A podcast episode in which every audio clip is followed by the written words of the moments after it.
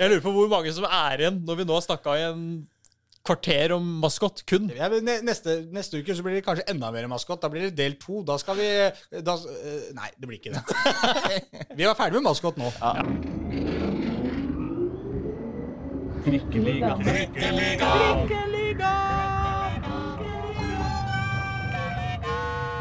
Hjertelig velkommen til eh, Trikkeligaen, Dagsavisens podkast om uh, Oslo-fotball. Og med oss uh, på trikken i dag så har vi eh, Pål, og vi har eh, Jonas. Vi har masse vi skal snakke om. Det gikk, eh, det gikk ikke helt veien for eh, våre lag den siste uka her nå heller.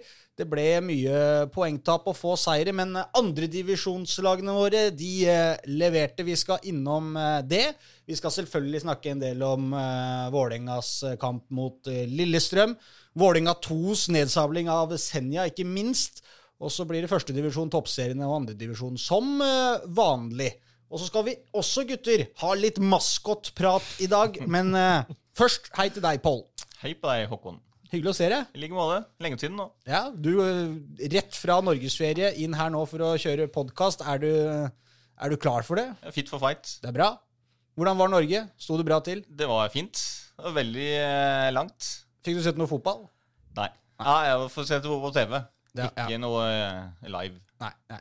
En liten avsporing på det, for jeg har alltid lurt på hvorfor, heter, hvorfor sier vi, man nå har vi holdt på med podkast i ett minutt. Avsporing umiddelbart fra, med trikken. Vi skulle egentlig opp mot Bislett. Nå på vei mot Rikshospitalet istedenfor. Altså, Hvor- Det ble en lang episode. føler jeg. ja, Men hvorfor sier man 'det ganske land' om Norge? Det har jeg lurt på i lang tid. Dette setter, du- stiller oss til veggs med her nå på direkten. Det ganske land? Nei, jeg vet ikke. jeg tenkte på da siden Norge har vært på, nei, Norge har vært på ferie. si. Eh, Pål har vært på norgesferie. Det er jo Over det ganske land. ja, over det ganske land. Ja. Hvorfor sier man det? Nei, jeg vet ikke. Hvor er det furut og værbitt? Ja. Over vannet? Dette er ikke vårt fag. Nei, vi går videre. eh, vi, altså, vi der er som snakker om fotball. La oss prate ball, gutter. La oss prate ball. Ja. Over, over, over det ganske Oslo skal vi, skal vi bevege oss. Vi skal fra Trondheim til eh, Flekkerøya og opp igjen til eh, hovedstaden med trikken vår i dag. Det blir en heftig trikkerute, det også, altså, gutter. Skal vi begynne med Vålerenga mot Lillestrøm? Det er jo på en måte eh, godbiten over alle godbiter som vi fikk servert eh, den uka vi har lagt bak oss siden forrige podkast. For du, så deilig det var med ja, nesten, Med ja. nesten 7000 uh, Ja. tilskuere på, på Intility, og en uh, fotballkamp som leverte i stil Ja. med stemningen. Syns du ikke det, Jonas? Du var jo der. Jo, få si det. Og det var uh, meget bra innsats av, av klanen og de fremmøtte. Det må vi si. Det var uh, god stemning uh, før kamp, og, og sang fra ja, time før kampstart ish. Men, og kampen var jo litt Den kunne minne om Vålerenga-Lillestrøm i 2019, sist uh, Lillestrøm gjesta Intility, da de gikk opp mot spillsgang uh, i ledelsen og vant 3-0 til slutt da. Leda jo 2-0 til eh, pause mot, uh, mot Vålerenga, men eh, så henta jo Vålerenga opp igjen med comebacket til eh, Aron Dønnum, som, som så ut som han var i kampform, selv om han ikke hadde spilt på en drøy måned. Ja, Dønnum fikk, eh, fikk vist seg fram. Det ble både målgivende og, og scoring. Eh, fikk du sett matchen, Pål? Det gjorde jeg. Ja, hva syns du?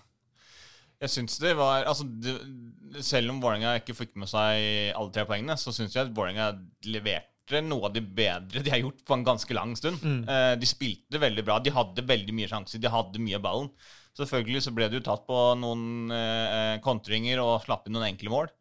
Eh, men også i tillegg så greide de å komme tilbake igjen. Aron Dønnum viste jo igjen hvor god han viktig han er for, eh, for det laget. Så det var veldig mye positivt å ta med seg, selv om de jo ikke greide å få med seg alle tre poengene. Men det var jo, som dere sa, det var herlig å se Det var et ekte derby. Det var fyr i kampen. Det var publikum til stede. Det var folk utenfor. Det var pølser, øl, kiosk. Det var liksom stemningen som fotball skal være. Ja. Og det var kanskje det viktigste med den, den kampen. her, Liksom Comeback for fotballen, på en måte. Ja, det, nå, er det på en måte, nå begynner vi virkelig å nærme oss uh, ordentlig fotball. Det eneste som uh, mangler nå, det er å få noen bortefans på tribunen. For uh, du, Jonas, som er uh, svoren Vålerenga-mann, selv du hadde vel kanskje satt pris på at det hadde vært noen gule og svarte borti svingen der. Ville Ja. blitt en enda litt bedre ramme. Jeg skulle akkurat å si det, for det er det som mangla i den kampen her, var jo at det var noen som sang imot. fordi det blir jo ikke helt det samme. altså Det er jo Derby og det er jo eh, krig og alt utpå der, men det blir jo ikke helt den eh,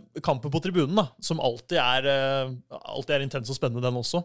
Men det som på en måte var det som satt mest igjen etter kampen, nesten, eller ja, kampdagen, var og etter å hadde parkert i P-huset der, å gå ut forbi øst og se det folkehavet som var der. Det var som å se en helt vanlig eh, Vålerenga-kamp før, eh, før, avspark, for det var så god stemning og, og ja, ja, ja før liv. Og før korona så var det ikke noe selvskrevent at det skulle komme 7000 på en Vålerenga-kamp heller. Nei, det var jo ikke det hver gang da. Så, det, så, så, så dette var jo helt opp mot uh, det som på en måte der man lå mm. uh, normalt, selv når man kunne ha litt flere. Så, ja, så det eneste vi savna egentlig, var litt, uh, litt Lillestrøm-supporter. Og det så det jo egentlig ut som at uh, Lillestrøm-spillerne kanskje kunne trengt òg, fordi noen av dem så ut som uh, livredde kyllinger utpå der.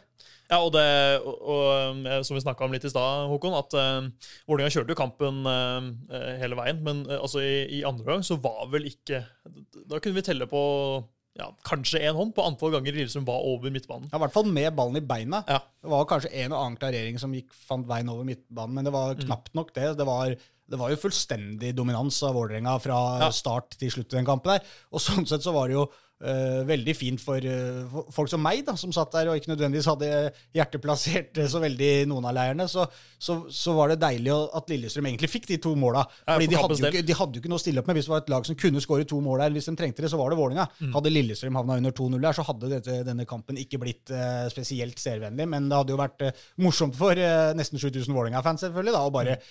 kjøre over Lillestrøm. Men det er jo dette som er litt problemet med måten Vålerenga spiller fotball på. Og også egentlig, vi kan dra sammenligna til KFUM også. Mm. Begge lag som liker å ha en del ball, flytter opp mye folk, dytter opp bekker. Og Vålerenga kan gjøre det, KFUM også kan gjøre det. For på sitt beste så er de ballsikre nok. Mm. De er pasningsdyktige nok. De har god teknikk, mange av dem. Mm. Uh, men det skal bare én liten feil til, så så du hvor åpent det var uh, bakover. Og, og Lillestrøm klarte å benytte seg av det. Så skal vi vel skal vi prate litt om det andre målet til han eh, Lene Olsen, og forsvarsspillet mm. til, eh, til eh, Nesberg og Tollås Nation. For det, er, det er syltynt, egentlig, ja, og, det de driver med der. Og overraskende, egentlig. At de, de som har spilt så godt sammen i, i, over et og et halvt år nå, og så, og så ja, gir de fra seg så mye bakrom uh, mot Lillestrøm. Det, ja. altså, det er kun Lene Olsen som er en trussel her. Mm. Så er det ikke noe press på ballfører heller og du er to mann mot Lene Olsen. Ja. Og da må du Én kan jo faktisk støte på ja. ballfører. Mm. Eh, eventuelt så må begge bare falle, og så blir ja, den stående og tro at eh, han løper i offside. Og så er det jo selvfølgelig Det er jo på millimeteren, men allikevel det er en unødvendig risk å prøve å sette han ene Lillestrøm-spilleren i offside. Og så bommer du i tillegg, da. Ja, ja, det er akkurat det. Og så er det, det er én ting som er farlig når du, når du spiller i håndballangrep, holdt jeg på å si, eh, som Vålerenga gjør mot Lillestrøm. Mm. Det er bakrommet som, eh, som etterlater seg. Og da da er det klønete at begge to står så høyt når Lillestrøm får kontringsmuligheten. Mm. Ja. ja. ja, ja jo... Lene Olsen er ikke noe, er ikke noe spesielt eh, kjapp spiss heller. Nei, nei. Liksom, Men han er i form, for å si det sånn. Det er han. Ja, det er en veldig god avslutning av han. Ja. Ja, og eh, jeg, jeg, Ja, jeg er enig i Claesson, ja, hvis du skal dit. jeg, jeg skrev det litt uh, vel i spillebørsen, tror jeg, at uh, han satser veldig tidlig der, når, ja. når Lene Olsen kommer aleine. Altså, ja. men, de, men, de, henter jo opp igjen Lene Olsen. altså Han får jo litt press på seg. Mm. Han har et, to siste toucha til han, er veldig gode. Han klarer å på en måte få lagt ballen vekk fra forsvareren og likevel til rette for at han kan skyte med innsida. Så det er, det er godt gjort også av uh, Lene Olsen. Men det målet der uh, burde vært stoppa lenge før. Han var ja. inne, i, i 16-meteren, eller ja. det angrepet der. Mm. Så må vi ta litt om andre omgangen, fordi det er jo Selv om det er, ja, Lillestrøm er nyopprykka, sånn, så er det imponerende å hente opp 2-0 når Lillestrøm forsvarer seg så så lavt og, og, lenge, holdt jeg på å si. Og Osame Sarawi, i tillegg til Dønnum, veldig viktig når de klarer å bryte opp, opp Forsvaret. Og, og, så har jeg lyst til å hylle Udal, for jeg, glemte å spørre ham om det. Men fordi innlegget ser jo ut som å, å være ment til Udal på ja. 2-1-skåringa. Men så elegant så bare lar han ballen gå. Ja. Ser ut som han veit at denne kommer bak seg. Ja, det, det, det reagerte jeg på, for jeg tenkte jo Hvorfor i all verden angriper du ikke den ballen ja. der sjøl? og, og, det at han lar den gå også. Det er jo centimeter om å gjøre at han Lillestrøm-spilleren får kommet først på den også. Ja, akkurat det. Uh, så jeg, jeg, jeg, jeg, ja, det var dumt du ikke spurte om det, kanskje. Fordi at jeg, ja, fordi at jeg føler jo jo ja, men han, han, Jeg føler at Dønne må jo ha ropt. Ja, eller, eller at den var øh, holdt på å si, hadde Øyre i nakken. ja. Og, og, jo, hvis han hører på, så kan han jo sende oss en eh, melding. Ja, ja, han burde det. Som han helt sikkert gjør. Ja. Siden han har vært eh, gjest her, så regner jeg med at han hører på eh, ja selvfølgelig. Nå er han jo venn av Ja, ja, nå er han venn av- ja. så nå må han høre på. Det Vi får- håpe på en melding. Men uh, Stert Sata Dønnum, som uh, også hadde et helt enormt uh, raid der før han uh, trer gjennom Laioni, som Mm. uh, tidligere kunne utligna. Det er imponerende hvordan han drar seg forbi fire-fem Lillestrøm-spillere, og så en så perfekt pasning til Laioni, som eh, dessverre burde scora. Men, men, men Lillestrøm som hang så i tauene, Ja. eh, som de gjorde i hele kampen, og så får du Aron Dønnum med friske bein inn der. Ikke sant? Det er jo eh, mot han derre unggutten som, som var ute på der, Ed, eller hva han heter for noe. Mm. så- som han eh, ikke sant? Det er jo, det er jo feigelag, på, eh, på et sett og vis. Men det ble jo ikke tre poeng. Jeg trodde faktisk Vålerenga kom til å snu det til 3-2 helt på tampen her også. Det var liksom, jeg fikk en veldig sterk følelse av det. De hadde momentum. Ja, ja, selvfølgelig. De hadde jo momentum egentlig hele kampen. Men det ble Dønnum kunne jo også skåret en mål til. Ja, ja, ja, absolutt. Og øh, ja, vi, må, vi må ta skåringa til Udal òg, for det er også klasse av, øh, av både, både Aron, som jeg igjen overraska over hvor bra uh, touch han satt. Og det var han sjæl òg, over hvor god kampform han var. Fordi han, han gikk jo inn og snudde kampen, på en måte. Det var, det, det var jo spilleren Vålerenga trengte for å, øh, for å få poeng. Og uh, trer jo gjennom Henrik Udal som ja, klasseavslutning. Ja, Det er en typisk eh, altså Det er sånn jeg som mange sier, internasjonalt snitt. Både Ja, ja. på løpet som går én vei, du har andre løp som går andre veien, og så slipper du rundt der. Ja. Sånn, veldig vanskelig egentlig for Forsvaret å, å plukke opp sånne ting. Ja. Og når du kommer der, så setter han bare den ballen i altså, Så det er, det er veldig altså, Det er altså etter læreboka, som det, Ja. som det heter. God timing og perfekt avslutning i, i nærmeste der, eh, hvor han løfter ballen og bare åh. Nei, Det er deilig å se når Henrik Udal skårer mål, og hvor glad han blir etterpå. Ja, Udal har vært, eh, vært veldig imponerende, han Ja. også etter at uh, Kjartansson ble skada. Kjartansson har egentlig ikke imponert spesielt i år, før han ble skada. Nei, det kan Så det er liksom, selv om han kommer til å få tilbake plassen sin når han blir skadefri. Ja, eller gjør han det? Ja, det er akkurat det han Det er jo det alle, alle tror. Men Mm. Udal skårer jo hver kamp, så det Ja, han har i hvert fall gitt uh, eh, Earn run for his money, som det sier. Ja, ja. det, det, det, er ikke noe, det er ikke noe selvskrevent at uh, han skal inn og starte når han er frisk nå. Det er i hvert fall ikke mer så selvskrevet som det var før Ja. Udal startet på denne runnen her. For de henta han jo inn for å være backup-spiss, og da Mm. tenkte de liksom ja, ja, han er jo, er jo god, men Kjartansson er jo først, soleklart førstevalget. Ja. Men hvis, hvis eh, Ørn skal spille seg litt i form, kanskje han skal gjøre det på Vålerenga 2? For der ser det ut som det er muligheter til å, til å skåre litt mål, i hvert fall. Odin Tiago Holm, som kom inn mot Lillestrøm, og egentlig hadde ganske bra innhopp for A-laget på søndagen der. Ja. Leverte i hvert fall en eh, veldig strøken uh, pasning. Vi spurte jo Henrik Udal, eller jeg tror jeg spurte om, eh, om det, Henrik Udal, om eh, hva er det som eh, gjør Odin til et så stort talent som mange skal ha det til.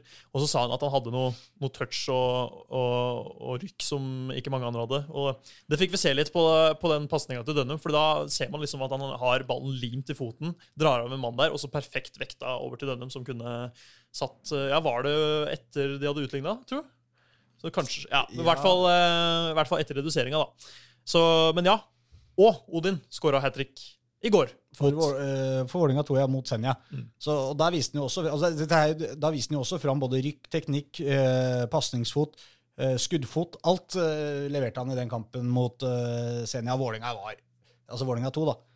Var helt fantastiske Ja, i, var eh, i den kampen der. Det var, eh, De holdt lekestue, rett og slett. Og de, de, de gjorde som A-laget gjorde mot Lillestrøm. Hadde fullstendig kontroll, bare at de skåra mål i tillegg da, på alt det gode spillet sitt. Så, og det som er litt gøy med Thiago Holm, er jo et fyr som alle spillere som har spilt med han, alle trenere som har trent han, alle sier det samme. Alle gir han et sånt veldig talentstempel. talentstempel. Mens vi som følger stort sett med på, på toppfotballen, da er det eh, litt sånn Hva har han egentlig vist? Ikke sant? Vi sitter jo liksom og venter på at vi skal få se han briljere Ja. uh, for A-laget til Vålerenga. Det så man litt, uh, litt tegn til uh, mot Lillestrøm. Og så fulgte han opp da bare med å gå ut på matta samme banen dagen etterpå og herje med Senja i andredivisjon. Og det var viktig for Vålerenga 2, som spilte 2-2 mot Alta borte eh, onsdag. Det var uh, helt nøyaktig motsatt Ja, kamp. det skjønte Fordi jeg jo. jeg, jeg så jo den kampen der, og altså, Alta hadde vel 27 målsjanser, tror jeg, eller fått skudd, og 18 cornere. Og, altså, det, var, det var fullstendig enveiskjøring. Men Ja. da hadde jo Vålerenga 2 med, altså, De hadde ingen Altså, de hadde bare de rent juniorlag. Ja. Så det var jo eh, der òg, men de gjorde liksom det motsatte. De forsvarte seg jo veldig lavt, de gikk på kontringer. Og Det var sånn de skårte begge, begge målene sine. De kom jo tilbake igjen, de også. Sant, så det var jo en kjempesterk prestasjon. eh, Ja. Både å komme tilbake igjen og få med seg det ene poenget, og forsvare seg inn. Men selvfølgelig så hadde de jo eh, litt marginer på sin side. Keeper som var veldig, veldig god. Ja, som, som eh, jeg, jeg snakka med Vålerenga 2s trener Øystein Sanden. Han sa god keeper, sånn. Ja, det, det var jo det. Stilte jo med um, 15 år gamle Alexander Hammer Kjeldsen, som er født i 2006. Eh, og han, han, er, han ble jo henta til uh, Vålerenga før sesongen og skal være et meget stort talent. Og um, Han har trent med A-laget et par ganger, og veldig spennende. Og da, ja, som du sa, Pål, eh, veldig ungt lag eh, der borte. Så det er egentlig imponerende at de, at de får med seg et poeng. Ja, altså. Alta er jo et lag som, som er altså, Selv om det ikke er eh, De kommer fra samme eh, område i landet, oppe i nord der, eh, både Senja og, og Alta, så er jo stor forskjell på de to lagene. Likevel, Alta er forventa å være med å kjempe høyt på tabellen med Gams Pedersen og gutta, ikke sant? Og, men Senja er jo et lag som, som Sanden sa, er et lag som vi må legge bak oss på tabellen. Og, og da var det nok veldig deilig å se dem fyre på alle sylinderne sine i den uh, matchen der. Det var, det var skikkelig gøy, faktisk. Du må altså, gi mye kreds til den midtbana som de har Ja. der. Den har jeg sett også de tre gangene, eller tre-fire gangene de siste kampene jeg har sett uh, Vålerenga 2 spille, da, med den rekka som de har på midten der. Et fryktelig sterke midtbane, altså med Odin Tiago Holm og med han, Emil, han Risnes. Mathias Emelsen Emilsen også, og som Mathias anker der. Emilsen, Ja, ja, og, altså, og de Oppsal, da. ja, han er venstrebekk, da. Ja. Men han også var helt strålende i, Ja, ja. i den kampen her mot, uh, Ja, mot Senja. Ja, mot Senja. Sammen med også ute på høyrekanten der Dikko Eng, Ja. som var fantastisk med Toré bak seg på bekken der. De to skapte jo trøbbel hele tida. Så ja, det- Vålerenga 2, det er stor tommel opp til eh, gutta der, altså. Det er der vi skal se på. Man trenger ikke se så mye på A-laget nå. Det, det er de som leverer underholdninga. Ja, da, men begge laga spiller god fotball, egentlig, da. Men, eh, men Vålerenga 2 fikk, Fikk mer utdeling. uttelling. Ja. Hat trick av Odin Tiago Holm, som nevnt, og øvrige skåringer av Brage Skare og Magnus Risnes. Og to assist fra Jakob Dikko Eng. Ja.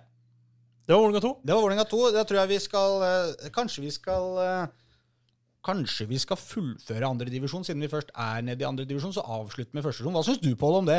Det kan vi godt gjøre. Nå tar du en sjefsavgjørelse her. Du er programleder, så du får gjøre det. Ja, Ok, da gjør vi det. Da Da fortsetter vi i, eh, i andredivisjon, hvor, eh, hvor vi fikk eh, den andre seieren til noen av Oslo-laga våre denne uka. Og det var Skeid, som slo Fløy på bortebane. En eh, fryktelig, fryktelig eh, tabbe av eh, hjemmelaget der, som forærte Jonny Budesson ballen på tomt mål, så han kunne spasere den inn. Men bortsett fra det så var vel ikke Skeid videre imponerende i denne kampen. Nei, nei, nei. Det, ingen av de dagene var veldig gode. De eh, Skeid skapte Eller hadde en halvfarlighet etter ett minutt. Og det var det som ble skapt i den kampen. Hva legger du i halvfarlighet? Det var uh, nesten rett etter at de sparka i gang kampen, så var det et uh, altså forsøk på gjennomspill fra Melkjord da, til, til Budeson. Som jo han eh, var en sånn veldig, veldig nære på. Stemmer det. Hvis han- vi kikker på høydepunktet her nå, husker jeg hvor han prøver Han kommer, litt, han kommer Ja, alene med keeper. Han kommer alene med da. ja. og så prøver han liksom på en eller annen touch, eller noe som seg, og så går han ned, bare triller han til keeper. Han er sånn akkurat sånn ikke rekker. og Ja. sånn, Hvis han hadde litt lengre touch der, kanskje han fått en rund keeper, og da hadde de jo fått en pangstart med 1-0 etter 15 sekunder, eller noe sånt. Ja.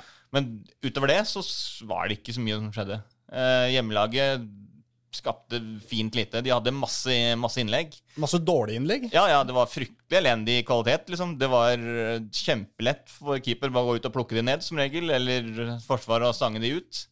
Så Mm. hjemme, de, de ligger jo bunnen av tabellen, og der kommer det til å være, fordi det her, de skapte De skapte ingenting på, på Skeid. Altså, det var ikke sånn at Skeid skapte så mye heller. Så eh, altså Uavgjort hadde vært et veldig fair resultat. Hadde det ikke vært for tidenes generaltabbe av han der ene fyren i Forsvaret der. Ja. Som jo egentlig eh, Altså, han var jo ikke Det var ikke sånn at han var pressa heller liksom, til å gjøre den feilen. Fordi Budesand hadde jo egentlig gitt opp, Fordi det var jo en lang ball sant, som bare dabba inn til han der eh, forspilleren.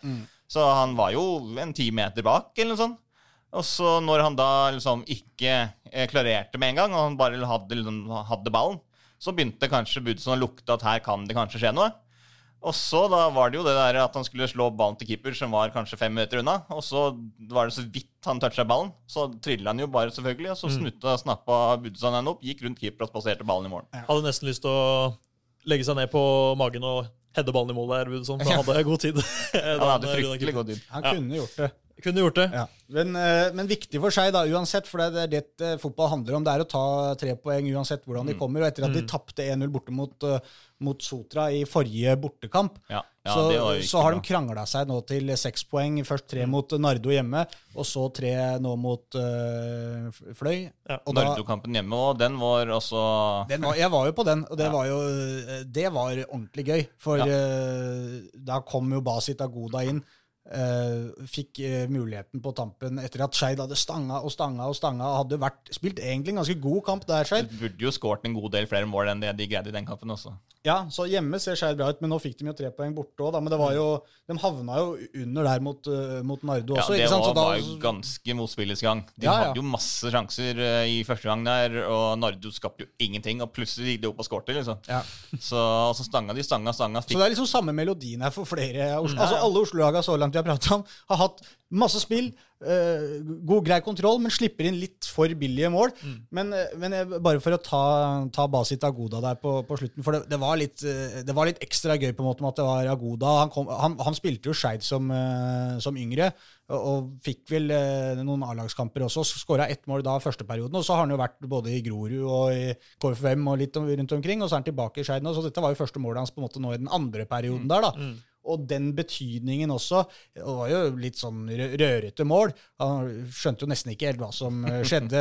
Han sa vel bare at jeg, jeg prøver å sette med innsida, bare få den på mål på en måte og se hva som skjer. Og treffer han jo et eller annet inni der. Og, altså, det, er ikke noe, det er ikke noe flott goal, men eh, på, tribunen, på benken der så tok de jo fullstendig av. ikke sant? Du, du, skjønte, du så hvor mye dette betydde for, eh, for Skeid. Det tok sikkert av på, bort på motsatt side der med Skeidoksen også, men jeg satt rett ved benken til Gard Holmå-gutta. og der Gard Olme sa det vel etterpå. Jeg spurte hva han tenkte om eh, når han gikk inn i overtida med 1-1, og dere hadde bomma så mye. Da bare svarte han Jeg vet ikke helt hva jeg tenkte i overtida. Jeg husker ingenting egentlig av overtida.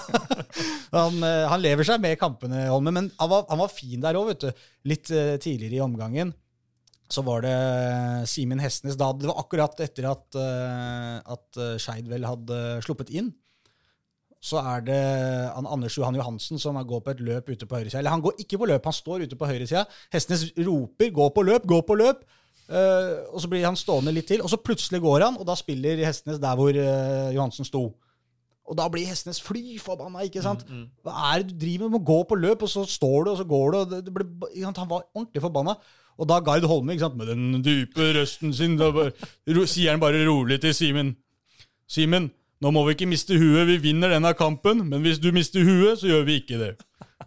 Og da roa Hestnes seg ned, og Skeid vant kampen. Ja, Kontrollert. Jeg spurte om han ville vurdert å ta han ut òg, skjønner du. For Hestnes er jo, han, fyrer seg, han kan fyre seg litt opp Mm. ikke sant? Og, og bli litt het, men han var, han var igjen fantastisk god. Og Ja, det var som, som Gard Holme sa, ja, jeg tenkte på det, men du, jeg vil ikke ta ut Simen Hestnes heller, for han er en god fotballspiller. Ja, ja, men det er akkurat det. Så de ville gjerne ha han. Og det gikk bra for Skeid der, og det gikk bra for Skeid eh, mot eh, Fløy.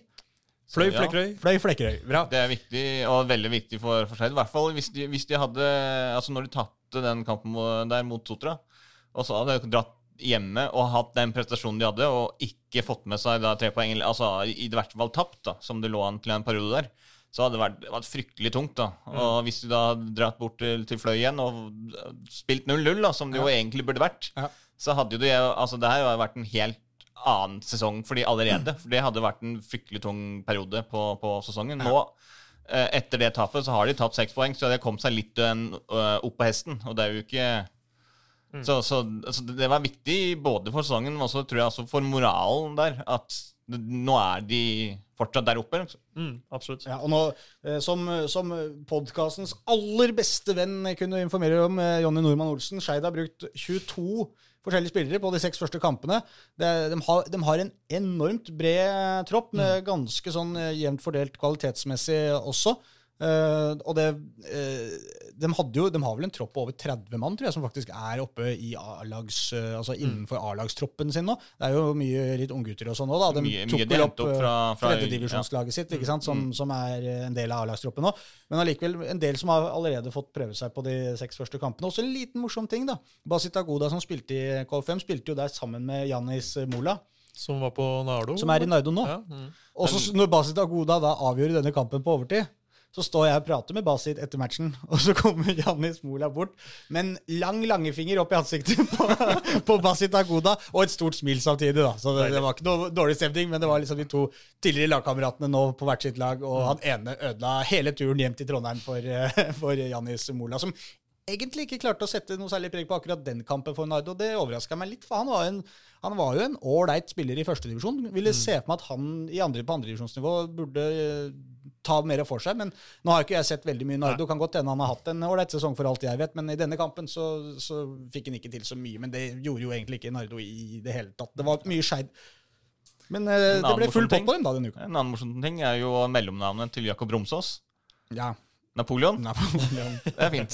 Så det, Vi har vel vært inne, vi har vel vært innom det, tror jeg. Ja, tror vi I en det tidligere podkast. podcast. Ja, du har, du har ikke, Jeg har du må høre deg opp. Jeg har ferie. Ja, du har vært på ferie. Men Da hører man, man hører jo- ikke på podkast på ferie, selvfølgelig. Ja, nei, det går ikke. Nei. Men jeg skrev jo saken eh, når eh, Ja. han skrev sin første proffkontrakt med, med Skeid. Saken skrev du. vet du. Og da ble det jo selvfølgelig Napoleon har signert for Skeid. Det er klart det. Så det ble jo eh, Det er bankers. Ja, det er bankers. Vi, vi, må, vi må komme oss videre. Vi, vi kan uh, Vi eller ha- Napoleon med sin hær skal dra videre.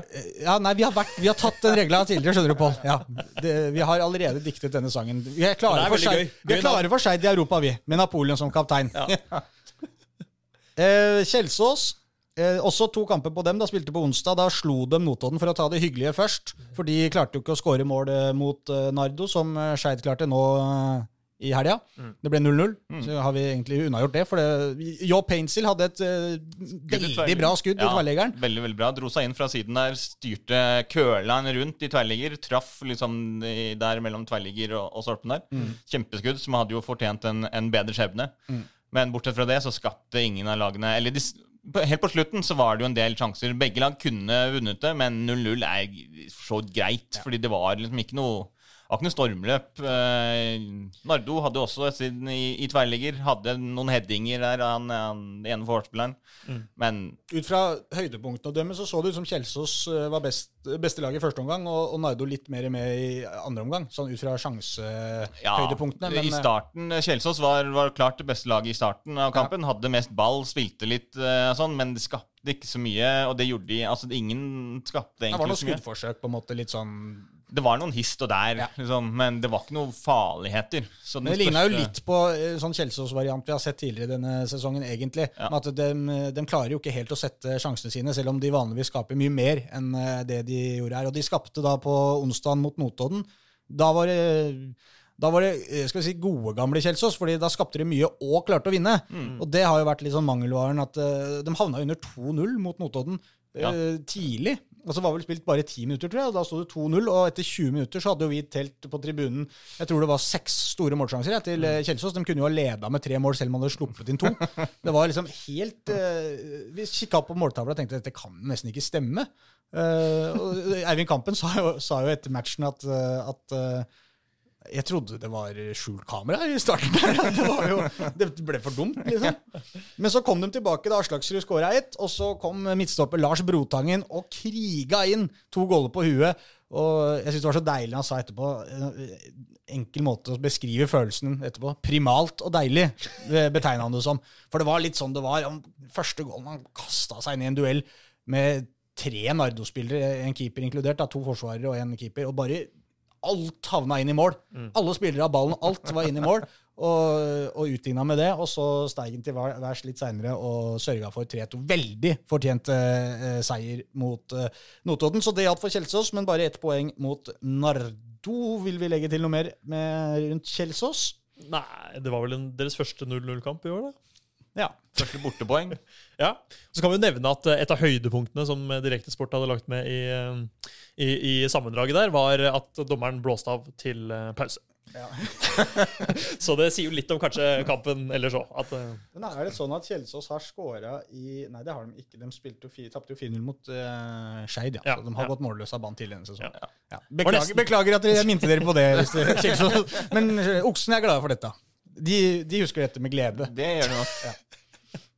Da tror jeg vi hopper eh, et steg opp igjen. Mhm. Setter opp farta på trikken litt, for nå skal vi opp i førstedivisjon. Vi må ikke glemme at vi skal snakke om maskoter. Jeg på å glemme at Vi skal snakke om mas vi skal avslutte med maskoter. Heng med til slutten, for da blir det maskot. Da skal vi få vite om maskot, yay or nay. Pål Karstensen han har kommet med sin favoritt uh, til bordet her.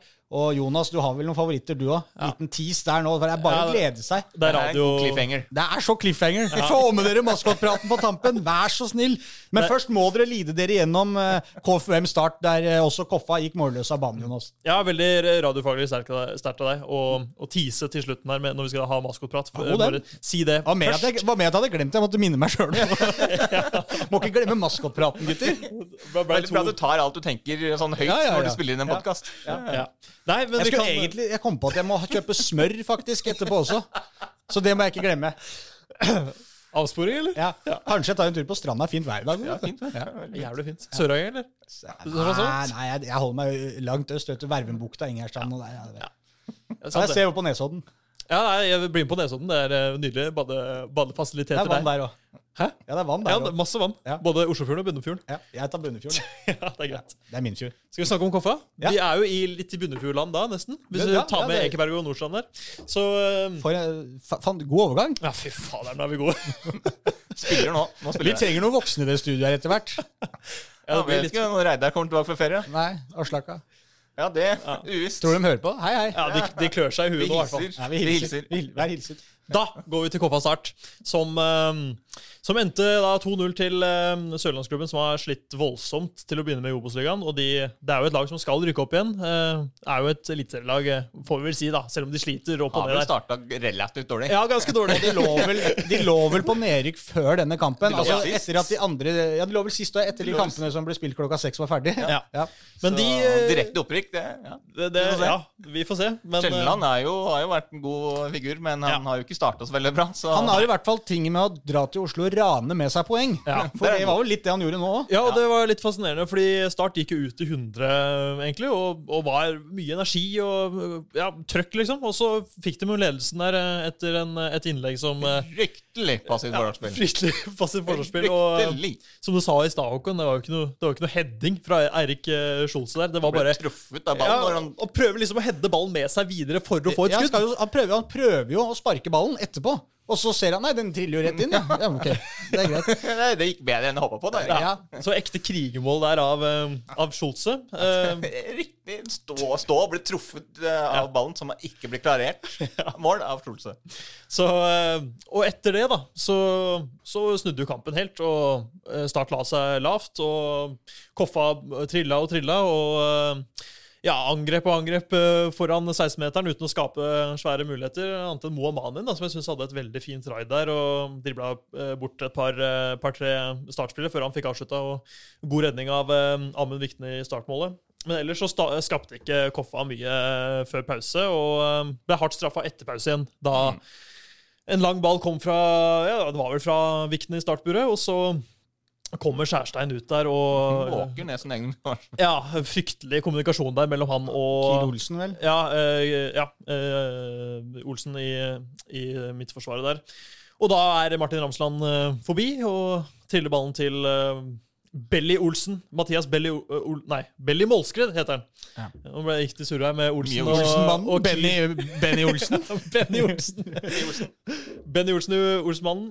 Ja da, Målskred som eh, Åpent mål. Ja, åpent mål og 2-0. og Men hva sa Isnes etterpå? For eh, dette her var ja, svei han, han, var, han, eh, han hylla for så vidt eh, Starts uh, bortekamp, da, for det er jo en perfekt utført bortekamp av Start, som måte bare kriger med seg tre poeng og får to enkle skåringer. Uh, Ja, ja, også, for det er greit at Start tetter igjen når Koffa ikke skårer, Ja. men I beste fall her så burde jo Start hatt 0-0, på en måte. Eller, Ja, ja, ja. altså, sånn, ikke for Start for de vant jo 2-0, men altså, Nei. Koffa kunne fint unngått å sluppe inn de to måla, da. Absolutt, og han var jo, han var jo skuffa for så vidt, i og med at de ikke klarte å skåre mål eh, på et såpass eh, slitent startlag, da, som han sa selv. At de så ut som de var veldig tunge og ja, ikke, ikke i kampform, rett og slett. da. Så det var eh, han, var ikke, han var ikke fornøyd, nei, med å tape på hjemmebane fra Nei, start. det tror jeg. Nei, Amund Vikne, nå skal jeg si det, men Vikne var veldig god i Det siste var han. ja, i 45 minuttene. da, Ja. Startkeeperen. Ja. Han spilte veldig bra. Han, de kom jo eh, på slutten, altså Koffa de siste vet ikke, en halvtime, eller sånt, så skapte Ja. de jo nesten flere sjanser enn de gjort til nå i årets sesong. Ja, ja, det, Så de rada jo opp med, med sjanser på slutten her. Så det, Ja. det var litt sånn som vi skrev når vi la ut saken, at Koffa hadde i hvert fall mesteparten av spillet, de fleste sjansene og Ja. de største tabbene. Ja. Så tapte de 2-0. Men det var jo ikke sant? Jeg var jo på Grorud mot Start i, Tidligere- i juni. Ja. I slutten av juni en gang. Ja, Start vant 4-1. Start vant 4-1. Og da, Tittelen på den saken min var omtrent akkurat det den ble nå. Ikke sant? Koffa spilte og spilte, Start skåra og skåra. Mm. Bare at, ikke sant? Jeg skrev Grorud spilte og spilte, Start skåra og ja. For da skåra jo skåra fire òg, da, Start i den kampen. Ja, det veldig... Men det var akkurat det Ja. samme. De starta kjempebra, fikk en tidlig scoring. Eller etter det så var det bare Grorud, bare at de tok litt flere overganger eh, i den kampen der, da, Start, og fikk scoring på det. Det var ikke så sånn, det var, det var jo billige mål på et vis, det òg. Så de, de rana jo Jeg har jo egentlig vært her og med samme oppskrift to ganger mot begge lagene våre. eh, og rappa med seg samtlige poeng. Noe sånn litt føles litt ufortjent, faktisk. Altså, det høres kanskje rart ut. Start vinner 4-1 mot Grorud. Høres ikke ut som at det har vært noe ran, liksom. Det, men, men den også var var egentlig ja, Den var prikk lik, den kampen her. Ja. Grorud hadde masse spill. Amund Viknes sto helt fantastisk bakerst for eh, Start, som han gjorde nå også, da. Sikkert. Jeg så jo ikke dette, ja, men dere sier det at han var han bra. også i intervjuet etter kampen nå. Ja. For han spurt, ble jo spurt om var det her din beste kamp i startdrakt. Mm. Da sa han at nei, jeg var nok enda bedre mot Grorud. Ja, ikke sant?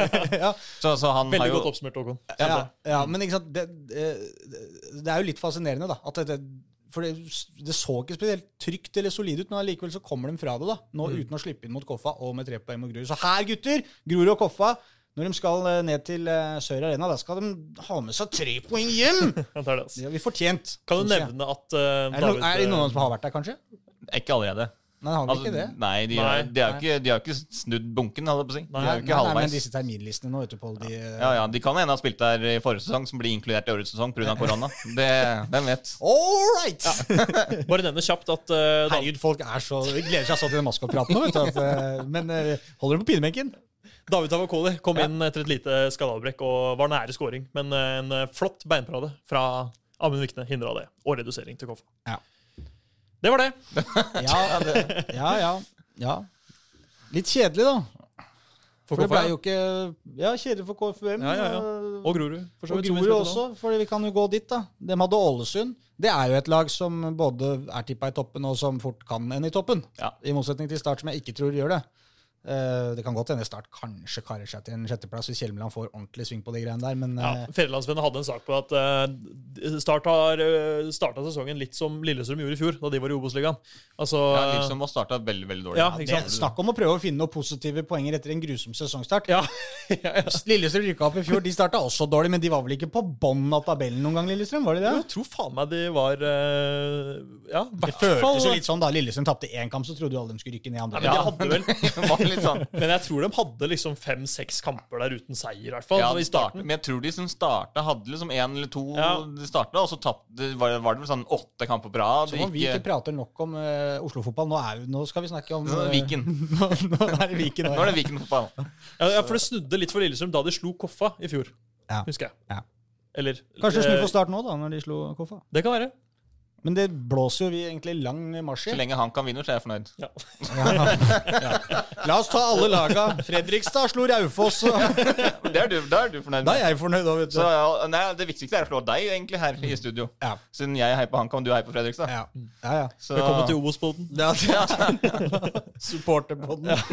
Ok, vi, eh, vi tar Grorud, da. Vi holder oss i Og der var jeg. Og der var eh, Oskar Aga som igjen eh, scora. Selvfølgelig med Torgeir Bjarmann, sportssjefen til Stabæk, eh, godt plassert på tribunen. Var, Lukter jo litt Stabæk av Oskar Aga nå. plass. Kjøne på plass som eh, sjef. Han henta jo i sin tid da Aga fra Stabæk til Grorud. Ja, Nå kjører han kanskje trikken tilbake igjen. Den oddsen er er ikke veldig høy. Nei, men spørsmålet er om Stabæk er de eneste som er interessert i den gutten der. Det burde ikke være det. Nei, eh, og hvis han har noen andre alternativer etter at han på en måte forsvant fra Stabæk, og virker som han trives sånn sett bra i Grorud. da. Eh, Det er noe med å ikke forhaste seg her også, selv om jeg skjønner litt som Kjøne når han dro til Stabæk. Det handler om å smi litt når jernet er varmt også, eh, og nå er han i strålende form. Men det er noe med å være i de omgivelsene som faktisk får deg til å prestere òg, da. Og han er vel ikke Er han 20? Er det 20 Ja, han eh, han blir vel i hvert fall 20 år. Han er 01-modell. Ja. Og uh, han står med ti mål på 11 kamper. Ja, det er helt Ja, eh, altså, han var jævlig god i fjor, og tenkte at ja, ja, det er liksom I år må altså, man må levere hvis det skal bli, Ja. ikke bli dundrende Men det er det jeg mener. liksom. Det er lett, da å tenke, det. Ja, men det er lett å Altså- tenke da. ikke sant? Nå- må jeg gå nå? Kanskje jeg burde gå nå? Etter forrige sesong. Så fortsetter Ja. han i Grorud, og så fortsetter du å levere. Ja, du, blir, du viser at Men, du men har det er viktig også at han greier å takle det presset. Ja. Fordi det er liksom, han veit at så mye ligger på han. Altså Han må score på de sjansene de får, for det er stort sett han som får de. Ja. Og han gjør det. Og det var han som fikk det lille som var. egentlig. Og han hadde en heading i første omgang som uh, vanskelig å få gjort så veldig mye ut av. Eh, men for å ta skåringen da, til Grorud Kjempeskåring. Glimrende Helt skåring. nydelig. Eh, Det starter med at Christo Safaris, litt pressa på egen banehalvdel, klarer faktisk å finne en, ledig Grorud-spiller framover i banen med en nydelig utsidepasning langs eh, matta opp til eh, Osestad, som setter fart framover. Og som både Osestad selv og trener Aksel Bergo sa, jeg trodde han skulle spille flere ganger der, for han hadde mange muligheter til å trene gjennom til Aga, og så trodde Bergo da at sjansen var over, at han hadde Ja. ventet for lenge, og så drar han bare fram en fabelaktig chip, eh, som, som Aga tenker den var så lekker at her er det bare én ting å gjøre. Det er å klemme den opp i krysset på hel volley, sånn at dette blir en drømmeskåring. Enkelt og greit. Ja, ja, det Men, noe eh, For skuddet var enda bedre enn pasninga, som også var helt nydelig. Ja. Men uh, det er ja, sterkt å treffe så godt på volley. Ja. Uh, Ja, det altså- det er liksom som du tenker liksom, Ja, ja, Oskar Haga er liksom Ja, han var bra i år, og liksom, og så bare smukk rett i krysset. Ja, ja, det var Haga igjen, ja. Og det er, sånn, du blir ikke overraska over det lenger, sant? for han, han er så god, fall på, på topp der, for, for Grorud. Ja, og I likhet med alle våre andre lag omtrent, spilte veldig bra her, Grorud. Fort, bort, se bort fra første halvtimen. Da var Ålesund best. Siste timen. Der var, eh, der var Grorud det spillemessig beste laget. De slapp en tidlig etter bare sju minutter. Eh, Niklas Castro, Manglerud-gutten, Ja, som, eh, som, som skåra. Og, han, eh, og så skåra de også til 11 minutter ut i andre omgang. da. Bergo var litt forbanna på, på starten deres, at de er for sløve i åpningen av kampen. Men i og med at de slapp inn tidlig i andre omgang nå, han følte ikke helt at det var samme der. For der starta faktisk Grorud veldig bra. Hadde en god mulighet ganske tidlig etter, etter pause der. eh, og kunne utligna. Bortsett fra det hadde Christos Safaris et par langskudd, men det blei liksom ikke noe sånn De klarte, de klarte ikke å skape de helt store mulighetene. Det var ikke, den der, det var ikke sjansesløseri fra Grorud. De hadde bare mye ball og sleit med steget. De var på trikkestoppet tidligere. Måte. Det er hvor, der hvor du skal skape sjansen. Ja. De kom seg aldri til de ordentlig store sjansene. Eh, så Selvfølgelig, sånn Spillemessig så syns jeg jo at Grorud kunne fortjent å få med seg noe der, men når kampen blir som den blir, og det er Ålesund er et solid lag også, det er, de er vanskelig å bryte ned. Mm. og Når de velger å legge seg bak der de, de, de ser ikke slitne ut sånn som Start gjør når de legger seg bakpå. Nei. Start virker som de, de blir pressa bakover. Ålesund legger seg bare der og føler seg ganske komfortable. Og Osestad sa det jo han og etterpå, at de, de klarer liksom å få låst av, av spillet vårt, og vi, vi finner på en måte ikke helt ut av det, selv om vi på en måte har mye ball. og Han savna liksom litt litt tempo og, og bevegelser der. Men han var ikke helt sikker på om det var balltempo eller om det var bevegelser han ville ha. Jeg spurte han om det. Nei, det veit jeg ikke. Det må vi jo finne ut av. jeg veit ikke helt hva som er problemet, men det er jo ikke så enkelt å svare på rett etterpå. Nei, Men det er jo litt sånn også med Ålesund, som er jo et topplag i den divisjonen. Ja, ja. Eh, legger seg bakover, forsvarer seg, kontrollerer inn, får med seg alle tre poengene. Og poenget til Grorud er jo, som han har sagt hele år, de skal være i posisjon til å ta poeng når kampene skal Ja. avgjøres. Og det er de nå òg. De er ett mål bak. Det vil si at de er ett mål unna å få med seg et poeng. Det kan komme. Noen ganger så vil det målet komme, andre ganger så gjør det ikke det, sånn som denne gangen. Og nå er det bare å restituere, legge beina høyt, for nå skal de kjøre buss til Sogndal på lørdag. Men det er litt farlig å ha en sånn eh, på en måte, målsetting òg, med at eh, vi skal være i nærheten av poeng hver gang. Mm. Hvis man blir fornøyd med det, å være der uten å få poenga, så blir det jo det Ja, blir tynt men- etter hvert. Ja, men det, altså, de er jo ikke eh, altså det er jo Prestasjonen er jo selvfølgelig viktig her. Ja, ja, ja. Og det er jo et lag som skal kjempe for å unngå nedrykk. Det er klart. Men no, det er jo litt ålreit når noen lag ser seg sjøl i speilet og ser Ja. hvor de er òg. Vi Hvis skal vi er med og kjemper om poeng i alle altså, De vet at selv hvis de jeg, Eller vi tippa dem jo. Ja, ja, ja, vi. Vi alle tippa jo de på 13.-plass. Avisa tippa dem på 13.-plass. Eh, og det vil si at du skal ha noen lag bak deg. Eh, ja, og, og, men selv de laga som da Vi tippa vel da Strømmen og Stjørdals-Blink annet bak der.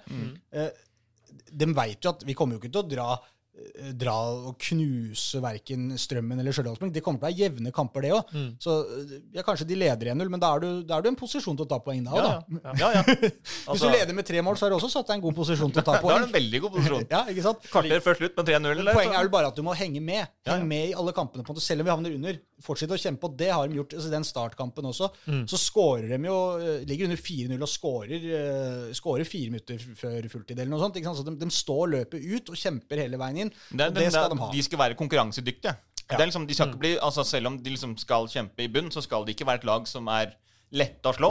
Sant? Det er jo det som er litt av kanskje filosofien her. At de skal være konkurransedyktige. De skal kjempe, de skal slåss om alle poengene. Og så var det jo viktig for eller altså sånn, de, de, de slo jo Sandnes Ulf 1-0 i en litt sånn rotete kamp eh, forrige hjemmekamp, men fikk tre poeng der, som var veldig viktig. Og da tenkte jeg i hvert fall at eh, nå har en blink borte, poeng der, så, så er man nesten I hvert fall en følelse av at nå går det, på en måte. Bare ikke slipp blink innpå dere. Det var så nøkkelkamp. Og så drar de opp der og roter bort alt og taper 2-0. Ja. I en kamp som for dem både var frustrerende og irriterende, og de følte seg litt sånn bortdømt i situasjonen. og eh, Alt gikk på tverke der oppe. Eh, og selv om det ikke blir poeng mot Ålesund, så er Ålesund et helt annet kaliber. Og de var veldig fornøyde med akkurat prestasjonen i den kampen. her, Så det var på en måte likevel et slags steg i riktig retning, til tross for uh, null poeng. Det kommer en veldig viktig kamp eh, for Grorud etter Sogndal da, nå på lørdag. Ja. Hjem, hjemme mot Ullkisa. Ja. Den blir også viktig. en nøkkelkamp. Spesielt hjemme der. Der må de vinne. Ja. Det må de. Hopper vi til uh, toppserien, som vi skal avslutte med. Ja. Eh, og der ble det jo ikke eh, stort mer å juble for der. Ble det vel? Det ble jo Nei. nytt tap for Vålerengas damer i toppoppgjør mot Sandviken. To tap på rad nå for, eh, for eh, Lechicas.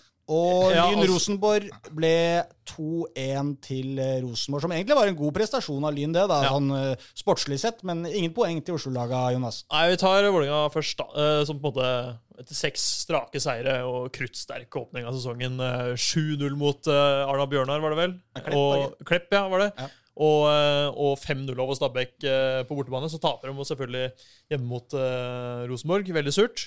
Um, og så da kom det Sandviken-tapet her. 3-0, altså. Og det, var, eh, det er greit at Sandviken er oppe, oppe der og kjemper om medalje, og sånt, men eh, det var fryktelig svak kamp av, eh, av damene. Ja, ja, det, ja, ja, det var veldig dårlig. Sandviken var klart best. Mm. Vålerenga fikk ikke til fikk egentlig Nei. ikke til noe som helst. Én heading fra Stefanovic i første gang. ja, ja. På De, corner. de, de det. prøvde seg liksom med, med diverse Altså prøvde å bytte. De prøvde liksom forskjellige ting. Nye spisser. Katie Stengel fikk sin første gang fra start. Ja, stemmer. stemmer. Kom vel inn mot, mot Rosenborg der. Eh, de prøvde seg liksom på, på konstellasjoner, prøvde å bytte på, men det var ingenting som, sånn som fungerte. Nei. Så nå har de jo to tap rad. Det er vel første gang siden mai 2019 Ja. at de har eh, to kamper tatt eh, på rad. Og det, det, det- var litt sånn vi kanskje frykta litt på forka, i forkant av sesongen. Ja. Sånn, fordi I starten nå så har de spilt mot uh, eh, litt dårligere lag, for det er litt sånn det er i, i toppserien Det er veldig stor forskjell. Veldig stor forskjell. De fire øverste er veldig veldig gode, Ja. uh, og resten er mye mye dårligere enn de fire beste. Så Og sånn det er det. det var litt sånn det var med Avaldsnes også. For Vi tippa jo altså Vi hadde jo Avaldsnes på femteplass. Ja. Eh, og Avaldsnes starta jo med de fire beste lagene. Mm. Så de, har jo null, de hadde jo null poeng eh, og lå hoppsi langt bak. Det så helt, helt fryktelig ut. Mm. Men de hadde den verst, verst tenkelige starten på, på sesongen. Ja. Og sånn eh, har det vært litt sånn for, for Vålerenga òg. De, de har hatt en for Vålerenga en ganske enkel sesongstart. Mm. Eh, men nå skal det jo sies at mot Rosenborg så spilte du jo mye mye bedre Ja, nå ja. enn i, uh, uh, rett før sesongen, sesongstart. Men allikevel. Uh, Bomme på straffe der fem minutter før slutt. Kunne vunnet 2-1. Ja. I stedet for er det Rosenborg som tar med seg alle poengene på overtid. Mm. Fryktelig nedtur, selvfølgelig vanskelig mentalt. Reiser opp til eh, Eller reiser til Bergen. eh, Møter Sandviken, som også da er liksom en, en rival i, i toppstriden der Ja, ja. leverer så dårlig, eh, en så dårlig prestasjon. Mm. Det er, det er tungt mentalt, i hvert fall for et lag som ikke er vant til å, til å tape. Så det blir spennende å se hvordan de, de utvikler her og greier å komme tilbake. Ja, For det kan jo fort bli tre tap på rad her nå. For de har uh, Lillestrøm uh, Ja. i morgen, da. Det det er tirsdag, så de spiller onsdag Mm. mot Lillestrøm. Det er, jo, det er jo de fire lagene der som er i en helt egen klasse i den ligaen. Det er jo et så voldsomt sprang på uh, tabellen der. Skal jeg se, jeg finner det her. 18 poeng på Vålerenga og Lillestrøm, som ligger på, på tredje- og fjerdeplass. Og så er det jo Arna-Bjørnar på femte med sju, ikke sant? Så det er jo, Ja, ja, det er, jo det er et kjempesprang der. Og, nå får, Og det er kun ti lag i, serien. ja, og Vålerenga får nå da De får alle de tre topplagene på rekke og rad her nå, da. Eh, og de har tapt de to første. Det, det er jo ikke sikkert at de klarer å slå tilbake mot Lillestrøm heller. Nei, nei, Og så hvilte de jo både Rikke Madsen og uh, Celine uh, Biseth Illesøy. Og det er jo, det litt stu, stussende, holdt jeg på å si. Stussende er vel kanskje ikke riktig. Stussa litt. Stussa litt eh, over det, for å si det sånn. Men eh, nei, det var Ja, det var en dårlig, rett og slett en dårlig kamp. Altså. Det var Så de må slå Bukker kom i stuss. jeg kom i stuss. Ja. De må, må slå tilbake med en bedre prestasjon. Stussende mot, avgjørelse av Jack. Jack God Jensen. Ja. Også Lyn bare Ja, eller Ja, nei, du er jo aldri, får jo aldri nok eh, toppserie. Nei, nei, jeg, jeg syns det er veldig kjekt det med toppserien, selv om andre ikke syns det er så like gøy. Men uh, det som er uh, De har jo et veldig tøft eh, program uh, etter ferien også. Og det, da har de nøyaktig det samme, nemlig. For Ja, ja. da, da spiller de mot uh, De spiller mot Sandviken og Rosenborg, og de spiller liksom mot sine argeste konkurrenter. Vålinga nå, eller Line? Vålinga, ja. ja. Men mm. på, på begge sider da av en kamp i Champions League.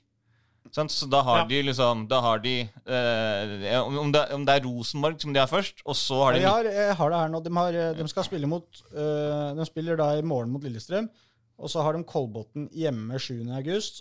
Og så har de Avaldsnes borte 14., og så er det Mesterliga mot uh, Mitrovica, hvis det er riktig uttale. Men, ja, Mitrovic, da. Jeg vet ikke. Og så er det Sandviken hjemme, Rosenborg borte. Og Men Lillestrøm hjemme. Men hvis du slår Mitrovic, da, så, Ja, så har du en kamp Ja. Altså så har du en dobbeltkamp i tillegg der, som er Ja. i Champions League. Ja. Mm. Sånn på hver side av de to vanskeligste kampene som de har da igjen i sesongen. Ja. Sånn, så, Det blir tøft. Ja, men det er akkurat det. Og det er jo litt det vi, vi spådde på, på i forkant av sesongen nå. Så jeg er jo selvfølgelig veldig glad for at jeg har full pott på mitt tabelltips i uh, toppserien til nå. Foreløpig. Lyn 2-1-tap mot uh, Rosenborg.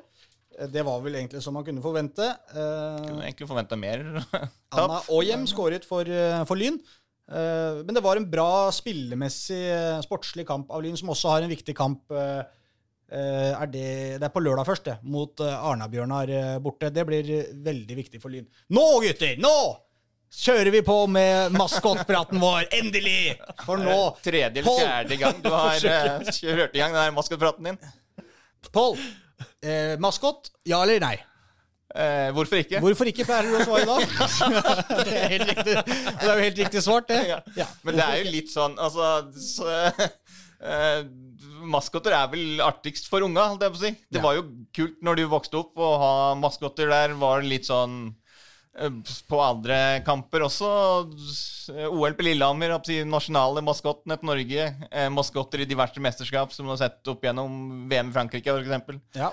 Jo- Fuglen i Frankrike, Ja. den syns vi er ålreite begge to. Den er kjempefin. Jonas, hva med deg? Maskot? Ja, Nei, jeg har vel ikke så stort forhold til noe maskot, skal jeg være helt ærlig. Men eh, det jeg husker, er jo oppvokst med å dra på Vålerenga-kamper, liksom. Og da husker jeg at uh, var det Tippen og Kongen da, som skulle slåss om å treffe tverrliggeren. Det var gøy. Ingen, ingen traff. Eh, det er vel det jeg husker, da. Altså, men det er jo som Pål sier, basket er jo for unga, og det er jo det er gøy for barna. Jeg husker jeg var på en hockeykamp. Uh, En hockeykamp. ja, en hockeykamp. Er det Mellom hockeypodden med Nei, med Lørenskog og Manglerudstad. Ja. Og da kjørte det en maskot rundt der på skøyter i Lørenskog ishall med vannpistol. Og skøyt på publikum. Og det er sånn, det er deilig 30 grader liksom, på en fotballkamp. Men inni Lørenskog ishall, som holder tre grader, så er det ikke det du har lyst til. Er ikke at du skal bli kliss våt av han maskoten. Eh, Så, så da, var, da fikk maskot nei fra meg.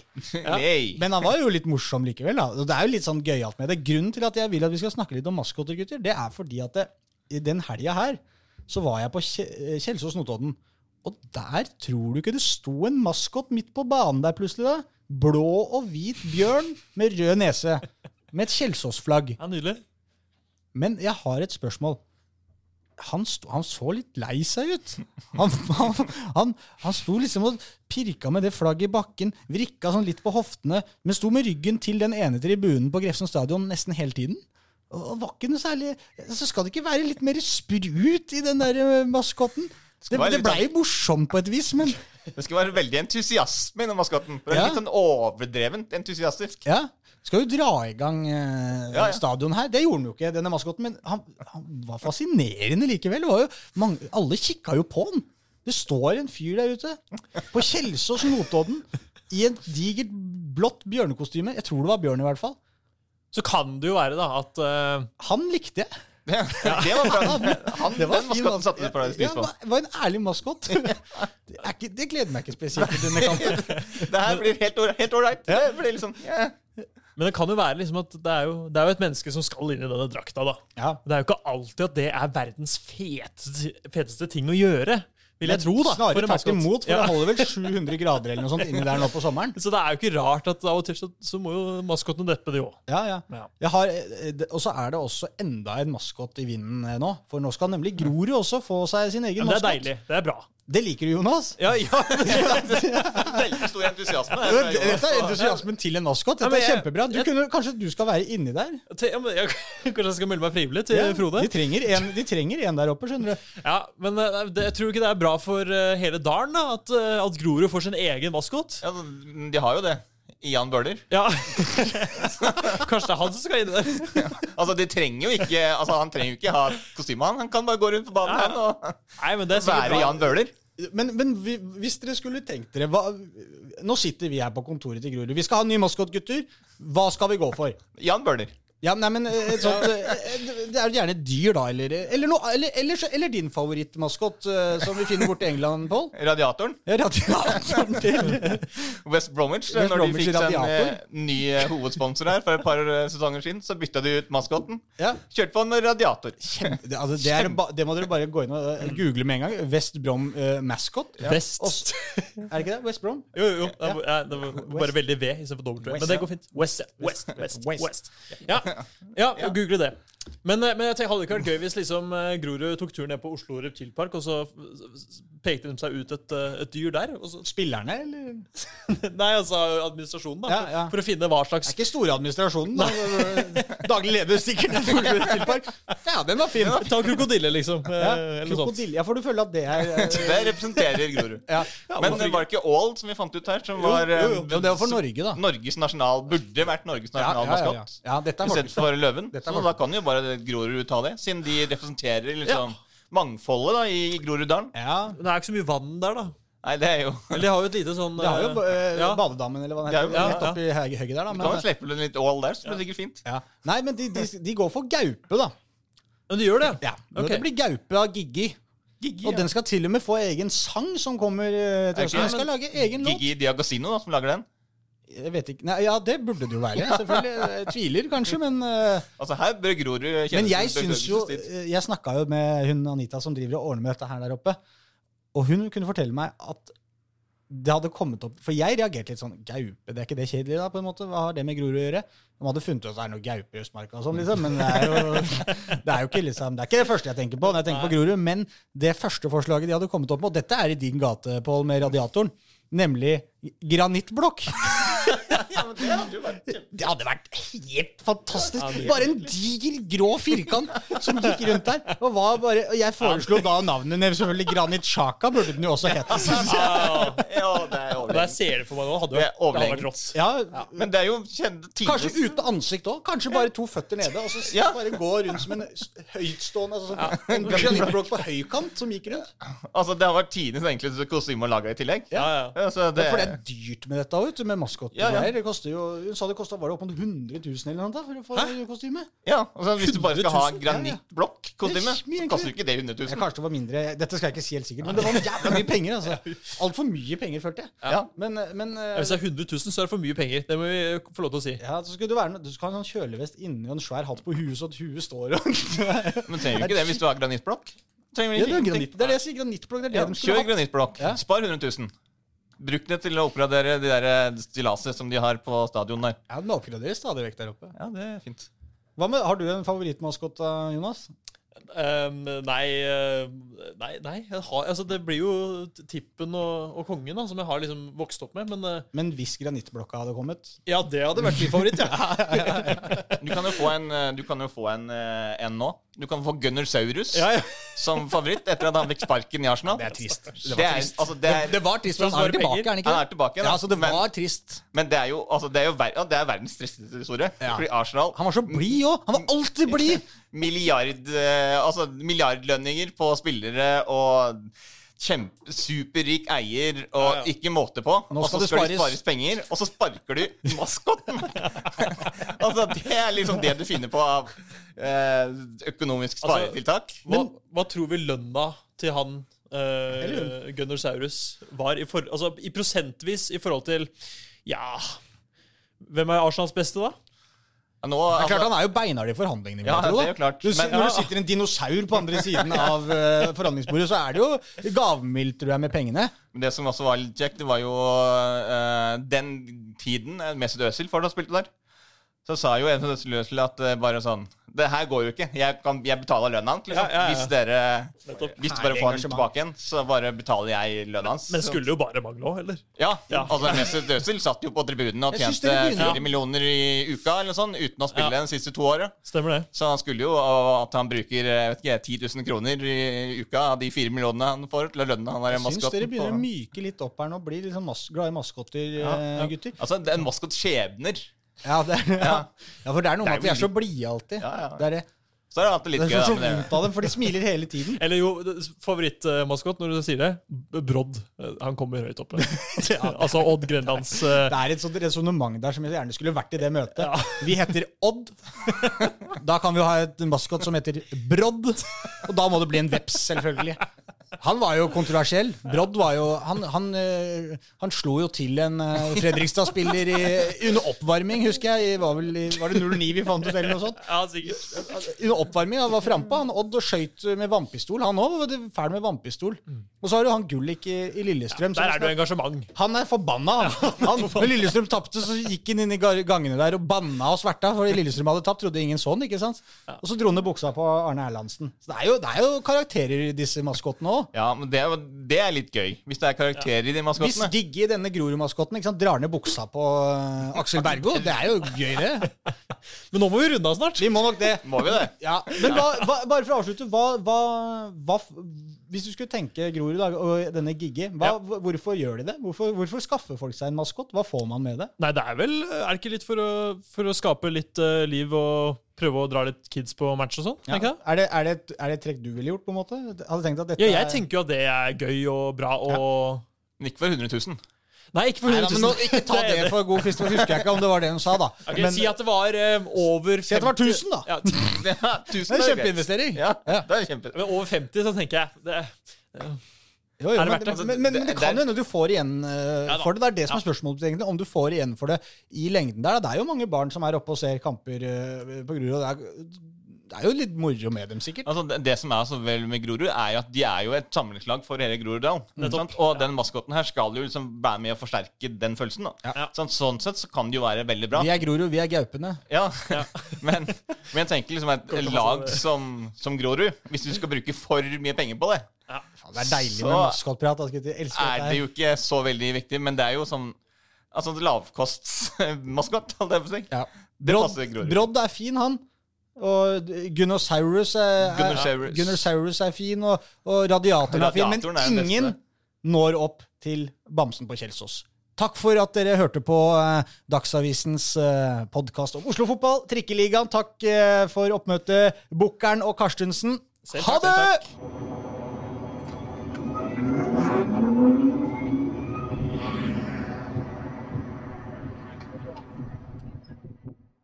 Du har hørt en podkast fra Dagsavisen.